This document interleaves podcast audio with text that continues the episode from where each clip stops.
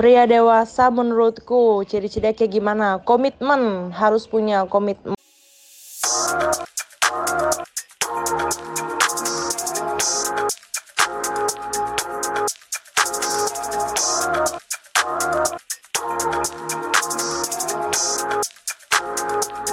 Kembali lagi bersama penutur podcast yang bahas soal politik, hukum, dan cinta. Karena semua orang adalah penutur akan kisah-kisahnya yang dari semua kisah itu kita bisa ambil value-value untuk kita jadikan pandangan alternatif kita sehingga keputusan kita bisa semakin berkualitas. Ya, kita kembali kepada tema hubungan. Dan kali ini judulnya kita buat cukup menarik dan cukup menantang. Judul yang kita buat adalah Boys to Men. Titik dua. What do girls really expect from a man who become her husband or their husband. Iya, banyak sekali yang bicara tentang pria yang menjadi pria idaman, pria yang ideal, pria yang diharapkan itu hanya dari sisi pria. Bagaimana pria harus improve diri mereka, bagaimana pria harus mapan dan sebagainya. Nah, kita coba pandangan yang berbeda sekarang. Jadi kita ambil dari teman-teman cewek-cewek nih yang sebenarnya sangat-sangat realistis, sangat-sangat realita dalam kehidupan sehari-hari mereka. Apa yang sebenarnya mereka pikirkan tentang seorang pasangan idaman mereka nanti dan pasti hampir pasti ya semuanya punya pandangan persiapan dan bahkan nilai itu. Nah ini akan kita gali bersama-sama teman-teman. Dan kali ini agak spesial karena yang menjadi narasumber kita itu ada banyak ya. Bukan cuman kayak biasa satu atau dua orang doang. Kita akan ngomong bareng tujuh orang cewek sekaligus. Teman-teman bisa bayangin this is the first time aku punya idea kayak gini dan aku bersyukur aku bisa kumpulin mereka orang-orang hebat dari berbagai macam kalangan, dari berbagai eh, rentang usia yang ya sebaya sebaya aku lah. 18 ke atas gitu. Dan mereka dari berbagai status juga ada yang sudah bekerja ada yang masih kuliah ada yang kuliah sambil bekerja ada yang punya karakter sangat terbuka tapi ada juga yang punya karakter ya dia pengen orang yang biasa-biasa aja mungkin dan tidak terlalu memasang karakter yang muluk-muluk buat calon pasangan hidupnya kelak. Dan orang-orang yang kita wawancara ini adalah orang-orang yang aktif di dalam setiap perannya masing-masing. Selain itu juga kita mencoba diversifikasi secara keyakinan. Mungkin mereka juga dipengaruhi dari keyakinan mereka, dari kepercayaan atau agama yang mereka anut dalam menetapkan uh, nilai mereka terhadap pria yang akan dijadikan pasangan hidupnya kelak. Maka kita akan berbicara dengan dari dengan orang-orang yang dari berbagai uh, latar belakang agama. Jadi tujuh orang itu adalah Lady Atalia, Deborah Christina, ada Rahelida Niapulina, ada Vanessa Hana, ada Christina Vivit, ada Ades, Sheila Caroline dan yang terakhir nanti kita akan ngobrol secara khusus dengan seorang Feby Oktora Sitorus. Jadi untuk beberapa orang kita akan pandu dengan beberapa pertanyaan. Tetapi dua orang terakhir nanti akan mengungkapkan secara uh, cukup gamblang dan bahkan Feby khusus untuk Feby kita akan ngobrol langsung tentang apa yang dia pikirin tentang calon pasangannya nanti, pria idamannya nanti. So teman-teman dengerin sampai habis karena ini memang benar-benar realita, ini memang benar-benar baru dan fresh. Kayaknya belum pernah aku bisa berpikir kayak gini dan bersyukur orang-orang bisa jadikan ini juga jadi sarana mereka bersuara tentang apa yang mereka rasakan, tapi juga bisa jadi sarana mereka mendengar realita apa yang orang-orang harapkan kepada mereka. Nah, pertanyaan yang paling sering ditanyakan dan sangat klasik adalah urusan kriteria. Apa sih yang menjadi kriteria kalian terhadap seorang pria yang akan menjadi pasangan hidup kalian kelak? Nah, kalau urusan kriteria sih aku tuh pengennya yang seiman pertama. Karena aku tahu aku bukan apa ya, orang baik. Maksudnya ya jadi aku pengen seseorang yang bisa nuntun aku ke hal yang lebih baik ke depannya. Dan kedua itu aku pengen yang humoris. Karena uh, selama ini hidup itu yang gue rasain kayak hidup ini udah susah gitu kan. Ya udah gue tuh harus nemu orang yang bisa bikin gue happy gue bisa happy bareng-bareng sama dia.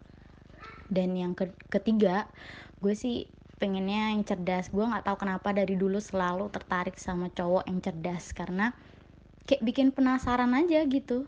Pertama harus sama Tuhan karena uh, apa ya ya kan enak aja sih misalkan punya pasangan sama-sama anak Tuhan gitu. Apalagi yang semangat nggak yang uh, suam-suam kuku. Jadi emang harus dia punya hubungan yang baik dulu sama Tuhan jadi dia bisa bawa aku buat semakin dekat sama Tuhan. Nah yang kedua itu uh, uh, sebentar apa ya? Yang kedua itu ini. Harus lebih harus mengatasi aku. Maksudnya harus jadi pemimpin yang baik buat rumah tangga. Karena aku tipe kalau orang yang diatur bukan yang ngatur.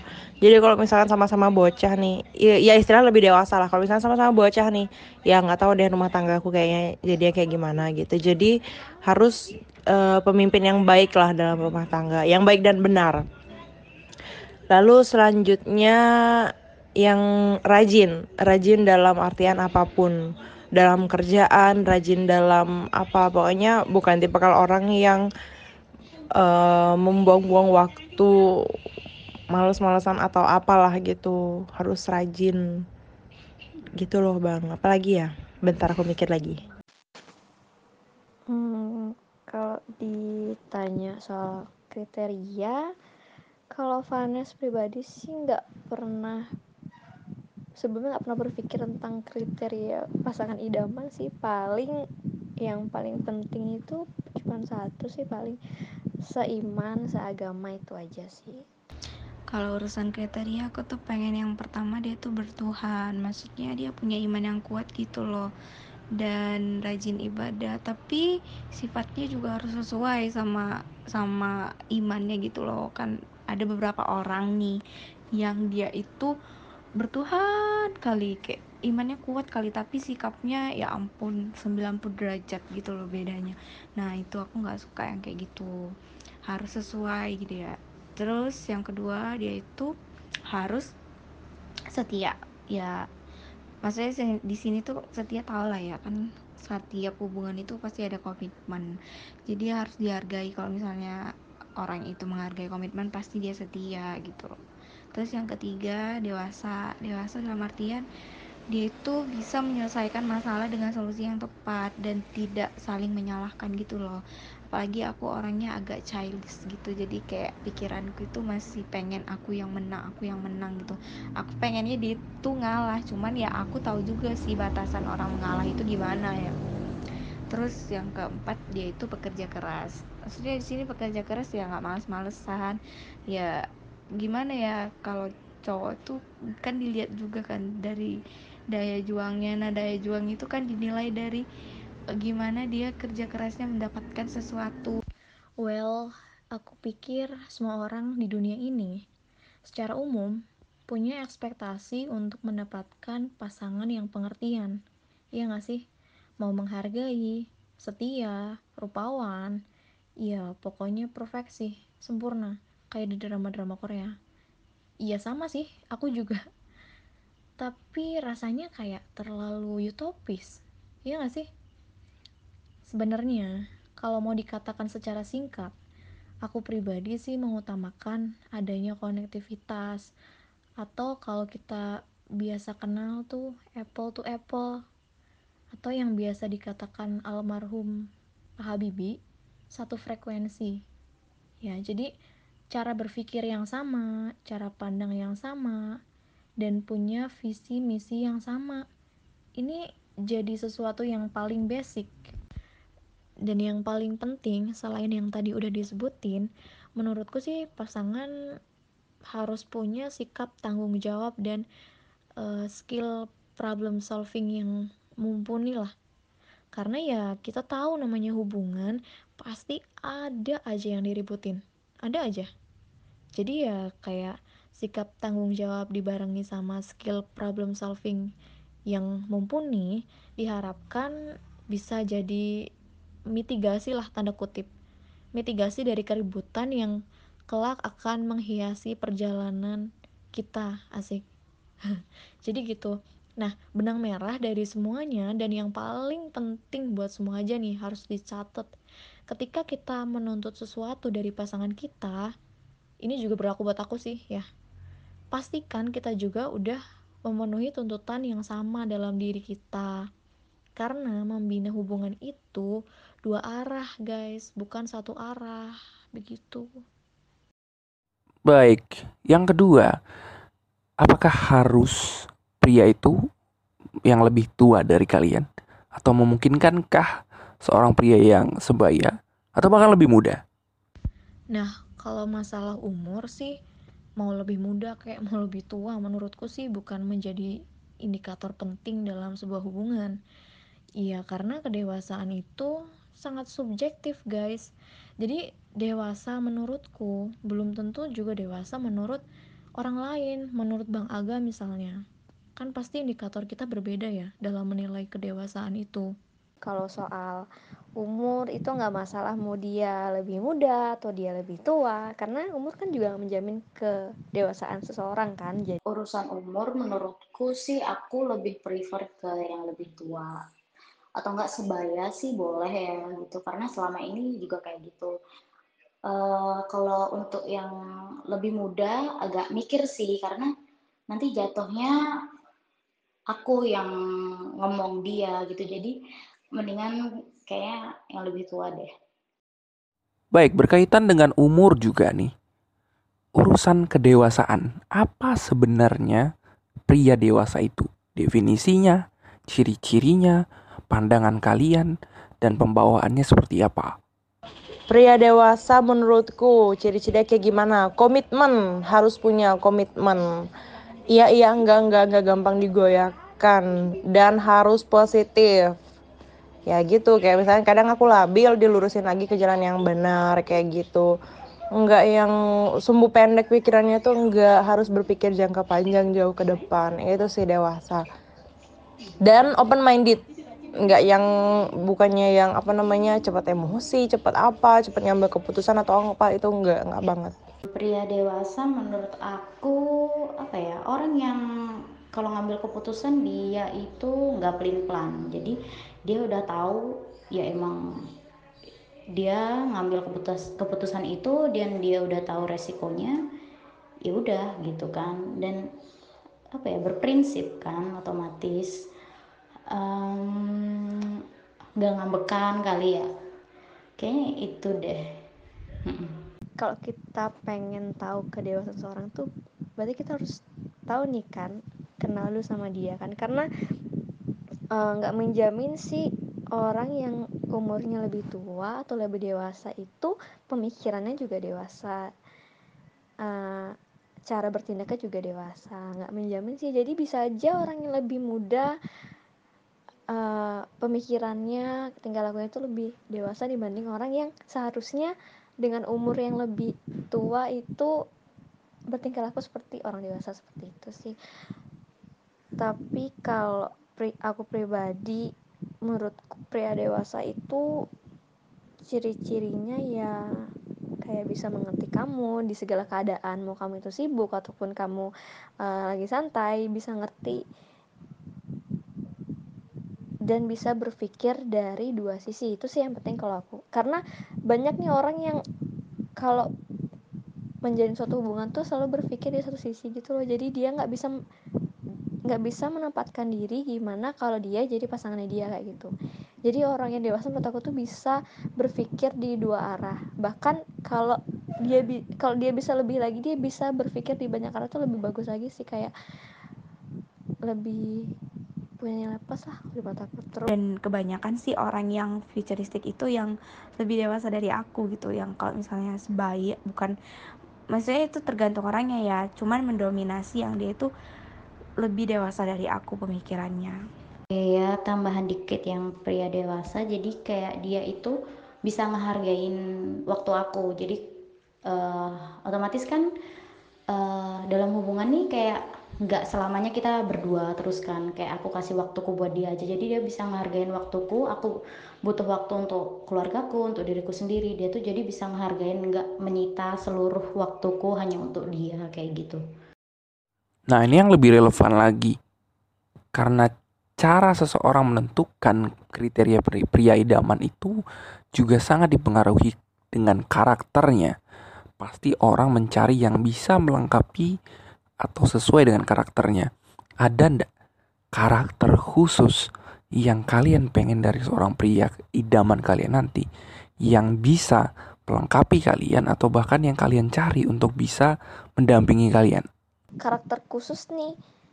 Nggak ada sih ya karakter khusus yang sesuai dengan karakter aku untuk paling intinya kalau aku sih saling melengkapi itu aja. Kalau misalnya aku punya kekurangan dia bisa melengkapi kekurangan aku. Kalau dia punya kekurangan aku bisa melengkapi itu aja sih. Kalau soal karakter khusus cowok yang aku pengenin ada pasti ada. Aku tuh orangnya suka traveling suka kadang nonton konser. Jadi aku tuh kayak butuh uh, temen yang kayak gitu. Misalnya kayak kita suka sama apa something yang bareng gitu kan itu kayaknya seru banget deh gitu. Jadi kita kayak misalnya punya hobi bareng gitu jadi kita bisa ngelakuin bareng-bareng tuh asik banget kayaknya. Kalau karakter khusus khusus banget itu gimana sih? Uh, itu sih nggak nggak yang terlalu aku pikirin sih bang. Kayak yang harus bisa masak gini-gini kalau nyatanya cowok yang bisa masak tapi aku nggak serap gimana? Nggak bisa juga. Tapi menurutku karakter khusus yang harus dimiliki itu dewasa sama sabar. Harus ekstra sabar sih sama aku. Soalnya aku orangnya jujur ngeselin. Ngeselin gampang baper apa apa gitu. Itu sih harus harus uh, sabar sama dewasa kalau sama aku.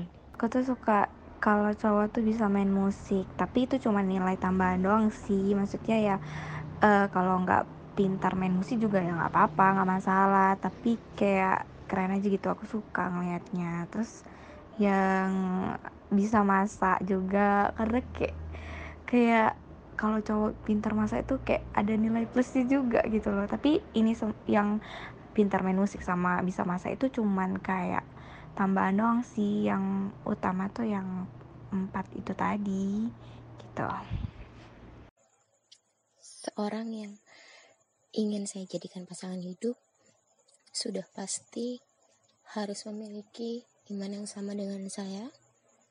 Kemudian value atau nilai iman yang dia miliki, uh, saya nggak berekspektasi nilai imannya itu sedalam atau setinggi apa, karena saya juga sadar diri mungkin uh, keimanan saya juga masih segini-gini aja. Tapi at least dia punya keinginan untuk memperkuat lagi imannya, memperdalam lagi imannya sepanjang hidupnya. Jadi nggak stuck di satu tempat. Dan saya pengen ketika dia selalu mempertebal imannya, saya juga ada di situ.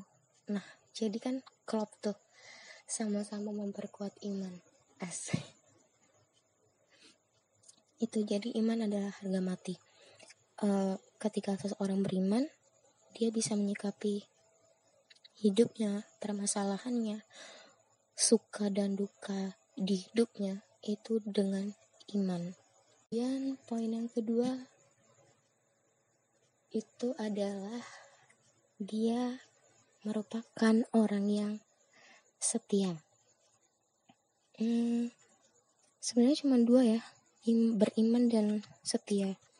Kelihatan sangat kayak mm, minimalis sekali kriterianya cuma dua. Padahal kayaknya ribet banget yang namanya cewek. Tapi menurut saya beriman dan setia ini sudah mencakup dua kriteria utama yang saya cari. Karena di poin yang kedua setia ini adalah poin atau nilai dari seseorang yang bisa dia pertahankan sepanjang hidupnya selain iman.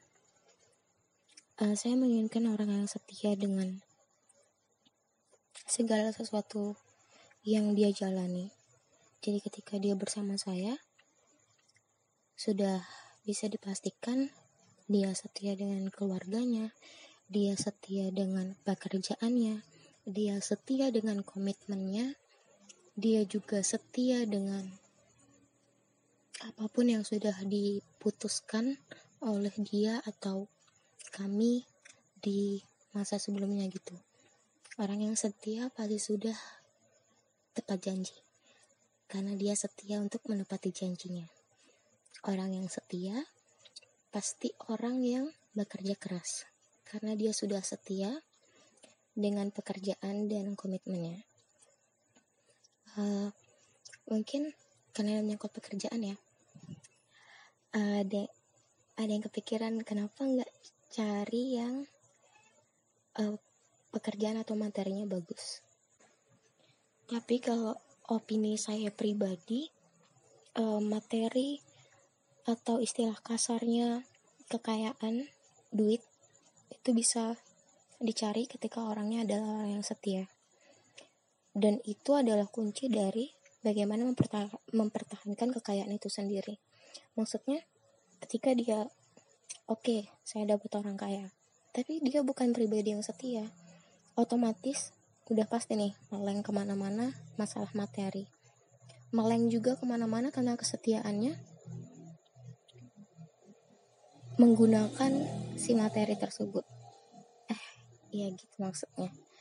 Ketika dia nggak setia udah materinya bakal habis ke mana-mana aja. Nggak bakal dikit atau nggak bakal digunakan sesuai dengan posnya masing-masing. Pos untuk keluarga pos untuk investasi dan lain sebagainya. Uh, kemudian orang yang setia juga sudah pasti bijaksana. Karena seperti yang sudah saya bilang tadi setia pasti menepati janjinya. Setia pasti sudah tahu konsekuensinya uh, ketika dia menjalani sesuatu karena dia setia dengan A dengan komitmen yang dia jalani gitu. Oke, teman-teman dari yang sekian tadi mengungkapkan pendapat, aku bakal coba wawancara langsung, bakal nanya langsung ke salah satu orang yang bakal kita kulik lagi apa yang menjadi pendapat dia dan harapan dia tentang seorang pria yang dia harapkan didamkan di masa depannya. Oke, namanya adalah Pebi. Hai. Cie, lembut kali ya kan. So lembut. Siapa saya yang itu? Oke. Kenapa? Kenapa? Enggak, enggak, enggak ada. Oke. Uh, kalau langsung ke menuki ke tema aja ya, menuki kalau ditanya kriteria gitu dari seorang pria yang hmm. diidamkan jadi pasangan di dalam pikiranmu saat ini gitu apa yang jadi kriterianya? Spontan aja. Hmm jujur. Ya. Terus yang respect sama kita. Mm -hmm. terus yang loyal. Waduh setia gitu. Wah. Berarti Terus dia gimana? Mm -hmm. Apa berarti? Berarti dia suka sama kita gitu ya. Terus loyal, setia, terus? Iya, terus uh, yang bisa apa ya? Belanjain gitu. Iya, pengennya sih gitu. Waduh, mundur pelan, pelan. Gigi R langsung kan yang emotionally kayak lebih stabil gitu yang kayak oh, okay. emosi. Dewasa gitu maksudnya emosinya? Yang bisa ngatur emosi. Oh, berarti itu kayak bisa disimpulkan sederhana kayak itu dewasa lah gitu secara emosi gitu ya? Yeah. apa sih dewasa itu sebenarnya? Ciri-cirinya pengertian pria dewasa itu apa? Hmm pengertian pria dewasa. Hmm yang apa ya dengar yang memahami mm -hmm. terus yang apa ya tahu kapan harus marah Oke. kapan maksudnya tahu gimana eh, respon sama suatu masalah situasi Mm, mm. eh, dengan bijak terus kayak gimana lagi ya yang pasti tetap meskipun waktu dia marah dia tetap nunjukin respectnya dia kayak gitu Kenapa orientasinya kemarah aja yang menyindir saya banget ini kayaknya. iya Acem ini aduh. Harus profesional juga lah kita di podcast kayak gini, Bos.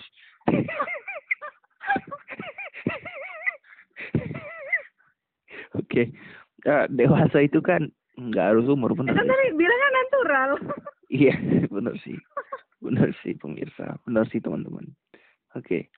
Eh, dewasa itu kan belum tentu umur kan. Dewasa itu bukan dari umur kan.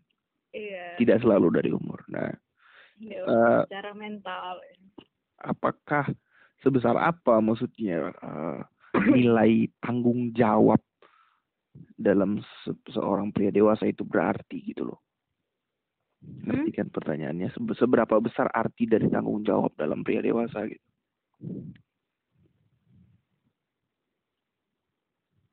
seberapa besar Iya, dia harus bertanggung jawab apa aja gitu. ya kalau menurutku dia harus bertanggung jawab sama maksudnya apa yang eh, dia gimana dia bersikap Mhm. terus apa yang dia buat apa yang dia bilang Selaras gitu ya. iya Oke. apa sih? Iya karena menurut aku sih kayak ya bisa dipertanggungjawabkan gitu maksudnya kayak kita dia bilang ah dia harus omongan dia itu harus bisa dipertanggungjawabkan karena integritas kayak berarti ya. pada ya pada umumnya orang-orang juga pada umumnya kan orang-orang bilang cowok itu yang dipegang omongannya Oke. Aduh nyindir lagi dia. Oke. Eh, berarti eh, kalau aku menurut aku sih sebenarnya dewasa itu kalau mau cari pengertian sederhananya itu adalah orang yang bisa memegang atau mengambil tanggung jawab. Hmm. Bisa jadi eh, orang yang masih kecil secara usia, tapi misalnya ditinggal sama orang tuanya, dan dia terpaksa harus menghidupi dirinya atau menghidupi orang lain kayak misalnya saudaranya, sehingga dia bekerja gitu. Itu sebenarnya secara sederhana udah dewasa karena dia bisa mengambil tanggung jawab gitu loh. Nah berarti apakah pria yang kalau tadi bah- bahas soal umur, apakah pria yang jadi idamanmu itu harus lebih tua atau enggak? enggak juga sih Oke. Berarti Enggak boleh juga. lebih muda dong, cari darah muda dong berarti. Enggak juga Oh, berarti sebaya lah, oke. Udah pas itu dah.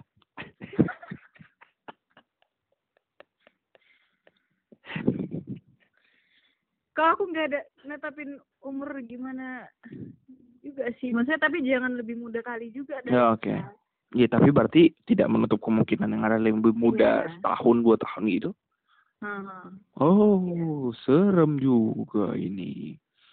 Oke. Dan kan tadi soalnya kan Mm. sama kayak yang tadi kita bilang kalau misal dewasa itu kan nggak Ya. umur biasanya udah tua juga nggak dewasa sikapnya banyak contohnya, banyak contohnya memang yang udah tua tapi belum dewasa kayak yang lagi ngomong ini kan.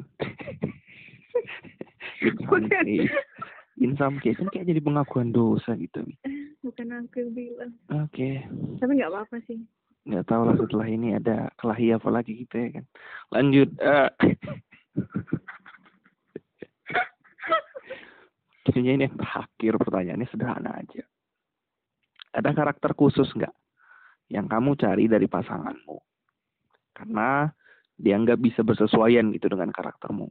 Misalnya karena kamu nggak bisa masak misalnya. Pengen cowok yang bisa masak gitu loh. Tapi aku yakin nggak semua. Ya kalau dirimu sih nggak mungkin sama sekali nggak bisa masak juga toh. Sudah ada nggak Hmm. karakter khusus lain yang diharapkan yang bersesuaian sama karakter sama kekurangan melengkapi gitu. aduh kayak yang duluan buat first move gitu kayak aku kan orangnya gengsian Oke. sebenarnya aku mau ngomong duluan tapi kayak susah gitu jadi aku Oh. mau ya dia yang duluan buat make a move lah Ini realita banget sih pemirsa. Jadi teman-teman yang dengar ini benar-benar realita apa yang kita jalanin. terus terus. terus eh apa lagi ya hmm yang enggak eh yang lucu kali ya Lucu. Yes. Yes. Aku akhirnya yang diidam-idamkan berarti memang benar. I'm funny enough, ya kan? Terus terus. Hmm. terus yang ya nunjukin kalau memang kalau dia tuh beneran sayang gitu kayak apa ya dibilangnya ekspresif Wih, aku lagi dong. Nggak salah dong berarti. ya kayak gitulah Aduh, secara umum kayak gitu Hmm, oke. Jadi kalau kita tanya realistis, lebih realistis. Tadi kan soal yang apa ya, yang masih formatif, formatif, normatif, bukan formatif. Eh, misalnya nih, ini kan paling umum nih. Sebenarnya tadi sebelum ngobrol kayak gini aku udah tanya juga kan, Hmm. masalah penghasilan, pendapatan. Apakah harus orang yang tajir ukurannya seperti apa? Pasti dijawab secara Ka- cara baik-baik enggak lah enggak harus gitu. Oke. Jadi ukurannya kayak mana gitu. kalau menurutku kalau masalah eh, fa- masalah keuangan gitu kan Hmm. itu berarti kayak gimana dia men, eh, apa namanya ngatur keuangan dia gitu gitu. Penghasilan Kayak gitu loh, sebenarnya- bukan hanya keuangan, penghasilan juga. ya yang bisa ngatur eh, keuangan dia maksudnya yang kayak apa ya kayak banyak orang dia kaya Banyak pun yang kaya penghasilannya penghasilannya besar tapi dia nggak pintar ngatur uangnya. iya Hmm. Oke. maksudnya dia kayak lebih mungkin misalnya dia berasal dari keluarga kaya dia udah terbiasa gitu kan dan mungkin sekarang dia punya penghasilan yang banyak juga dari Oke. uh, keluarganya tapi dia nggak Ya. bisa uh, ngatur itu Nih ini gitu. lebih Jadi lebih lebih realistis lagi nih. Apakah harus lebih tinggi penghasilan dari dirimu atau dirimu kerja misalnya atau enggak? kalau dibilang harus enggak sih. Enggak ya. Oke, terus eh soal uang lagi. eh aku tadi mau nanya apa ya? Eh apakah misalnya dalam masa pacaran, apakah pengen orang yang bisa membiayai apa yang kamu inginkan gitu? maksudnya selama masa pacaran itu Iya. Misalnya pengen beli ini, pengen beli tas lah atau apa gitu kan. secara manusiawi ya iya Waduh. tapi kan maksudnya kayak Gigi R, gigi R. maksudnya kalau misalnya cewek-cewek ditanya gitu ya pasti mau lah maksudnya gak usah Tapi tidak menuntut, bener gak sih? iya tapi kayak ya nggak nggak ada cewek Bukan hal yang mutlak nggak- yang nggak harus mau gitu pokoknya tapi wajib gitu. Tapi kalau diberi ya siapa yang tapi gak kalau mau? buat cewek yang independen kayak Hmm. Sebenarnya nggak mau tuh dibayar dibayar sebenarnya itu lebih lari ke ini gak sih? Lebih lari ke give, lebih lari ke care gitu kan? iya Nah, Iya, teman-teman, dari apa yang sudah kita dengar, aku tidak akan menyimpulkan terlalu banyak. Pada intinya yang jelas bahwa harapan-harapan kita terhadap seseorang, khususnya calon pasangan kita di masa depan kelak, tentunya harus didasarkan pada prinsip bahwa manusia itu mengecewakan. Maka pengharapan kita itu kita sendengkan kepada Sang Pencipta yang menjadi pemilik dan yang punya kuasa satu-satunya untuk mengubah calon pasangan kita nanti. Saat kita sadar bahwa di dalam hubungan itu kita bukanlah objek atau pasangan kita bukanlah objek tapi kita adalah sesama subjek, maka kita akan punya peran yang sama untuk saling mengasah, asih, asuh. Karena memang prinsip dari kasih sayang itu adalah saling memberi dan bukan saling menuntut. Dan konsekuensi saling memberi adalah adanya saling menerima. Calon pasangan kita kelak bukan tanpa kelemahan. Bahkan realita di dalam hubungan kadang-kadang dan sering sekali jauh daripada apa yang kita pikirkan. Tetapi lagi-lagi kasih akan menutupi banyak sekali kesalahan. Kasih itu mengampuni, sabar, murah hati, tidak memegahkan diri sendiri, dan dalam setiap unsur itu sebenarnya tidak ada sama sekali ditujukan kepada kita, tetapi apa yang harus kita lakukan kepada orang lain, khususnya pasangan hidup kita. Jadi ketika Anda mulai mengasihi, maka Anda akan berhenti untuk memikirkan diri Anda. Dan hanya karena dasar kasih yang benarlah Anda bisa mengasihi dengan benar. Selamat mengasihi dan nantikan episode penutur selanjutnya. Bye-bye.